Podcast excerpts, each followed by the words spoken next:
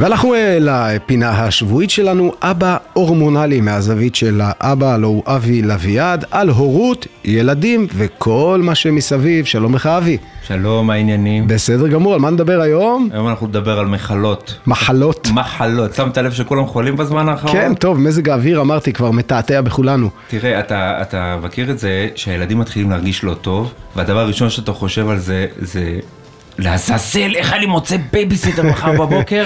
או לא, למה זה קורה לי עכשיו? כי עם המחלה שלהם אנחנו עוד יכולים להתמודד, אבל למצוא מישהו שישמור עליהם מחר בבוקר זה כבר סיפור אחר לגמרי. בהחלט. עכשיו אנחנו צריכים גם להסתיר את זה מהם, כי ברגע שהילדים יודעים שהם לא הולכים מחר לגן, הם בעננים.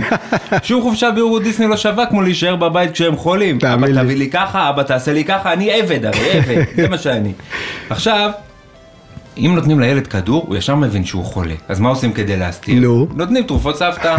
עכשיו הרבה. שמתי לב שתרופות סבתא מתחילות מדברים פשוטים כמו כוס תה, כפית דבש, מהר מאוד הן מידרדרות לחלב עיזים לעיניים ושערות של ג'ירפה למיגרנה, כן? כן. עכשיו, פעם אחת אמרו לי לשים בצל בחדר של הילדים כדי שזה יספוג את החיידקים. אתה מכיר את זה? לא? כן, פותחים בצל, ואז זה סופג את כל החיידקים. עכשיו, אני נכנסתי בלילה לחדר של הילדה, ופתאום היא התעוררה. עכשיו, כל כך נבהלתי שהיא תעלה עליי ות, ותדע שהיא חולה, אז אמרתי, לא, לא, לא, לא, לא, לא, ממי, אני כולה חותך סלט, ממי, איפה הכוסברה, איפה? והיא ישר הלכה לישון, הכל פה, אף אחד לא עלה. והפרצוף שלך הפכו להיות כמו לימון צינבו.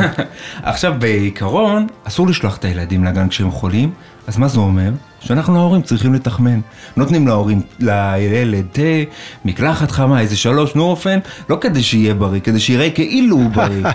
עכשיו, זה ברור שאנחנו נגיע לגן שבוע לאחר מכן ונראה איזה ילד מסכן עם נזלת ועיניים אדומות, מה אנחנו נגיד? איזה הורים חסרי אחריות. כן. מה זה, מי שולח את הילד ככה? רחמים.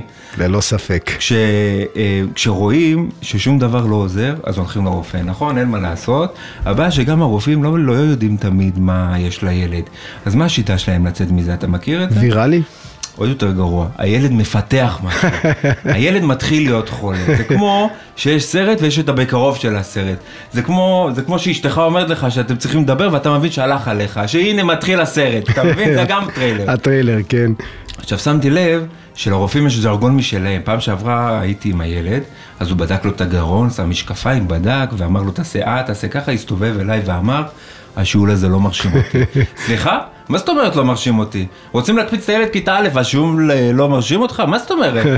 עכשיו, מה אני אמור לעשות עם המידע הזה? לעבוד עם הילד בבית לפני שאני מגיע לרופא? מה, אני באתי לקופת חולים או שאני באתי לכוכב נולד? אתה מבין? עכשיו, גם יש להם שאלות מוזרות לרופאים. למשל, הם אוהבים לשאול כמה ימי מחלה לתת לך. סליחה, מה זאת אומרת כמה? מה, אני רופא? הוא גם לא יודע מה יש לילד, הוא גם מעליב אותו, אתה לא מרשים אותי, וגם הוא, מצפה שאני אגיד מתי זה יעבור. סליחה, תאמין לי, הייתי כבר נשאר עם התרופות סבתא. כמה טיפות של איזה, כמה שערות של ג'ירפה, הילד כמו חדש, שולחים אותו לגן, שולחים אותם לבית ספר. בקיצור, מה אני אגיד לך, מה המסקנה מכל הדבר הזה?